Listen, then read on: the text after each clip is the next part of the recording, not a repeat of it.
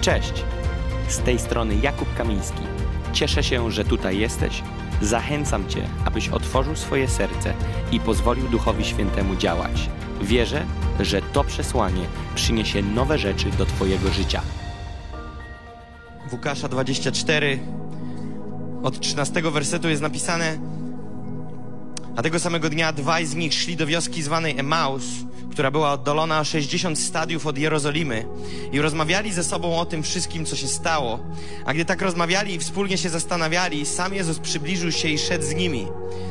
To jest dzień zmartwychwstania już, lecz ich oczy były zakryte, żeby go nie poznali. I zapytał ich, Cóż to za rozmowy prowadzicie między sobą w drodze? Dlaczego jesteście smutni? A jeden z nich, któremu było na imię Kleofas, odpowiedział mu: Czy jesteś tylko przychodniem w Jerozolimie i nie wiesz, co się tam w tych dniach stało?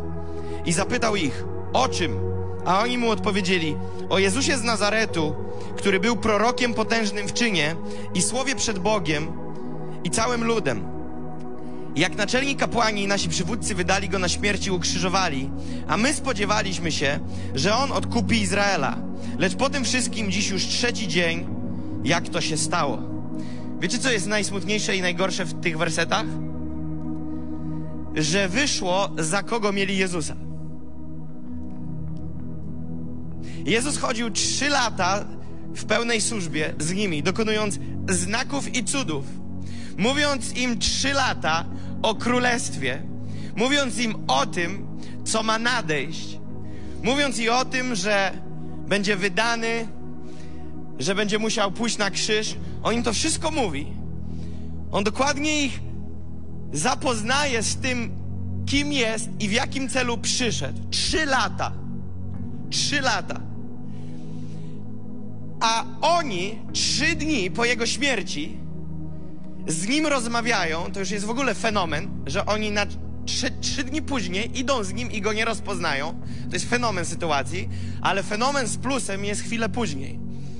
Jezus w pewien sposób udaje, że nie wie, co się dzieje i pyta go, o czym tam rozmawiacie. A oni do niego mówią, co ty jesteś jedyny, który nie wiesz, co się wydarzyło? Wyobraź sobie, oni mówią do Jezusa, czy jesteś jedynym, który nie wie, co się wydarzyło? Jezus mówi, nie, nie, nie wiem, powiedzcie mi, co się wydarzyło. Oni mówią, był taki Jezus, który był prorokiem. Kim był? Prorokiem? Przecież Jezus pytał wcześniej, za kogo, za kogo wy mnie macie, za kogo ludzie mnie uważają. No i wtedy oni, im odpo oni odpowiedzieli Jezusowi, no wiesz, no jeden cię uznaje za proroka, drugi za tego, trzeci za tego. A Jezus pyta, a za kogo wy mnie uważacie? Jaka padła odpowiedź? Ty jesteś Chrystus, Syn Boga żywego. A więc było jasno na ich oczach stwierdzenie, kim jest Jezus. Jezus tego nie odkręcał, Jezus tego nie powiedział, wiesz co, dowiecie się później. Nie, nie, nie. Jezus jasno im powiedział, kim jest. Nie raz i nie dwa i nie trzy. Ale trzy dni, trzy dni, trzy dni później, po jego śmierci, oni mówią, że Jezus był prorokiem, ale teraz jest kolejna część, która potwierdza ich całkowity, pogrążony w fałszu punkt widzenia, w którym mówią: Mniemaliśmy, myśleliśmy, mieliśmy taką nadzieję, że On odkupi Izrael. Jeżeli powiedzieli mieliśmy, to znaczy, że to była nadzieja, którą żyli, ale gdzieś oni to opuścili po drodze, ten system myślenia. Powiedzieli, myśleliśmy, mieliśmy nadzieję, że Jezus odkupi.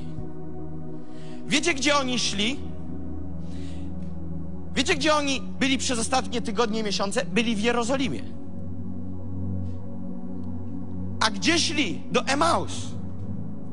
Oni wracali w swoje strony.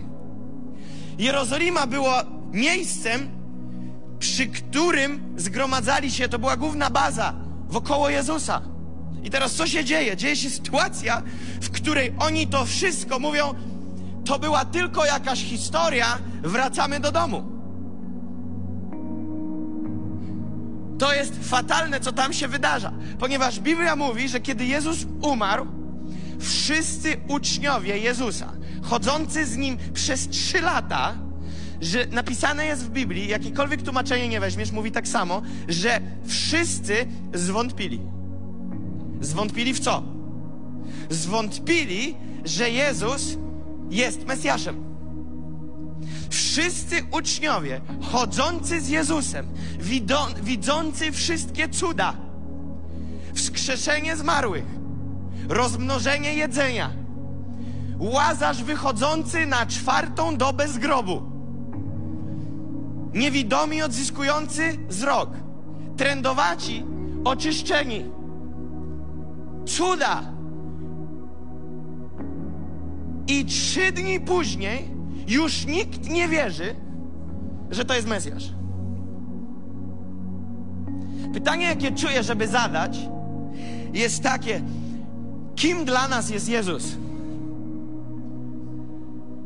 Bohaterem historycznym, imieniem, wokół którego się zgromadzamy i dla którego śpiewamy pieśni? Czy może jednak jest wszechmogącym Mesjaszem, królem królów, panem panów, który któremu dana jest wszelka władza. Ponieważ jedne z pierwszych słów, jedne z pierwszych zdań, które Jezus powiedział, kiedy objawił się uczniom, jedenastu, bo już Judasza nie ma. Pierwsze słowa, które im wypowiada, to mówi tak: Dana mi jest wszelka władza. Wszelka, absolutna władza. A więc co on robi? On ich o tym nauczał przez trzy lata. Oni spadli w dół, zwątpili. Jezus przychodzi jako żywy, zmartwychwstały i przypomina: Hej, nic się nie zmieniło, wszelka władza. A w tym wszystkim jest jeszcze Tomasz, który mówi: Hej, hej, poczekaj, bo ja nie do końca w to wierzę. Jak zobaczę otwory po gwoździach i dziurę w Twoim boku, to dopiero uwierzę. Stają się czasami, jak? Jak? Jak to możliwe dokonać takiego cudu? Ma, mam na myśli uczniów. Jak można dojść do takiego miejsca, że kilkadziesiąt godzin później o wszystkim zapominasz, wszystko zostawiasz i ta wizja, za którą trzy lata brniesz, zostawiasz Więc tak naprawdę, czy on był Mesjaszem przez te trzy lata dla nich? Są pytania, na które nie znajdziemy zero-jedynkowej odpowiedzi, ale celem jest zadać pytanie nam. Czy Jezus, o którym rozmawiamy, głosimy, śpiewamy, do którego się modlimy, za kogo my go uważamy? Za kogo my go w naszym życiu uważamy?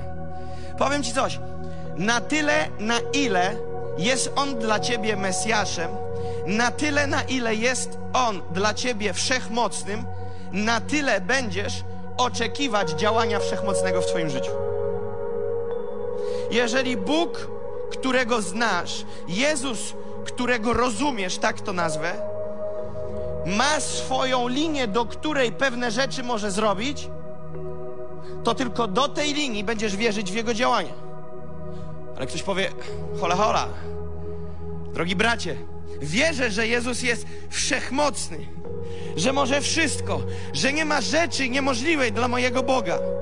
Ja wiem, ja wiem, tak mówimy, tak głosimy, ale sposób, w jaki się modlimy, sposób, w jaki prosimy, sposób, w jaki wierzymy, weryfikuje, czy takiego Boga prawdziwie znamy i za takiego go uważamy.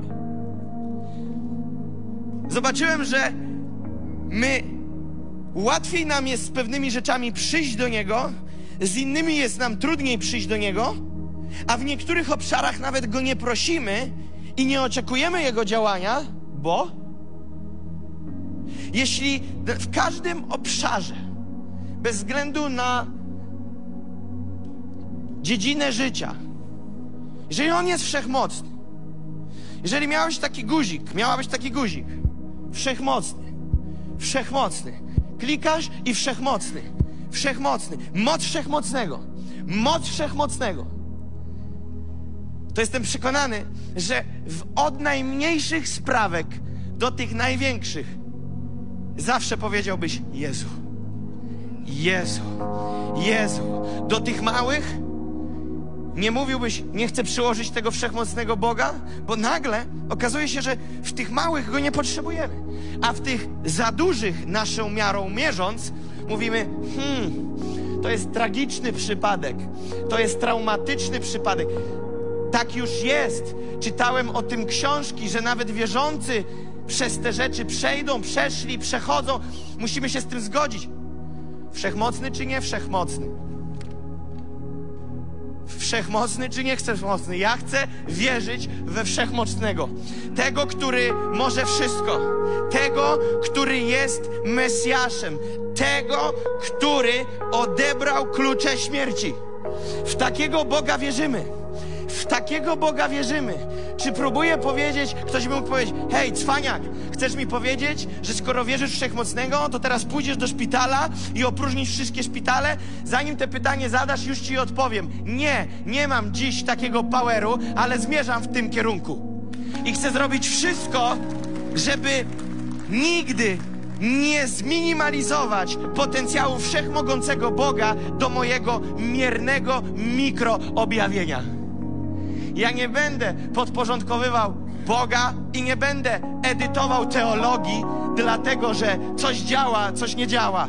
On jest wszechmocny, alfa i omega, nie ma dla niego rzeczy niemożliwej. Wszelka władza i moc jest jego koniec, kropka. Koniec, kropka. Mam obszary w swoim życiu, w których modlę się o pewne rzeczy i one się nie wydarzają, ale ani przez sekundę nie przechodzi mi myśl, skoro tak jest, to może mój Bóg nie może tam zadziałać. Nie, nie, nie. Nigdy, nigdy nie idź w tą stronę. To nie jest pusta wiara. To nie jest nakręcanie, żeby mieć jakąś fajną nadzieję na życie. Nie, nie. Nasz Bóg jest Bogiem wszechmocnym. Nasz Bóg jest Bogiem potężnym. Nie ma rywala. Alfa i omega. Alfa i omega. Jedną z najszaleńszych historii, rozumiecie, niektóre widziałem, ale słyszałem, słyszy się czasami szalone świadectwa. Powiem wam, że słyszałem świadectwo, w które jest ciężko po ludzku uwierzyć, będąc chrześcijaninem, ale ja w to wierzę. Nie wiem, czy to jest prawda, ale wierzę, że takie coś mogło mieć miejsce. Jest historia, że w jednym z krajów, w których jest wojna, nie mówię teraz o Ukrainie, wieczna wojna, wiecie, kraje te muzułmańskie i tak dalej, gdzie się wiecznie strzelają, wiecznie rzucają granatami.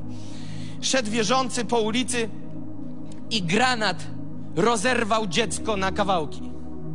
Po prostu rozerwał noga po jednej, ręka po drugiej, rozerwane ciało na kawałki, nie że rany, rozerwane kończyny gdzie indziej.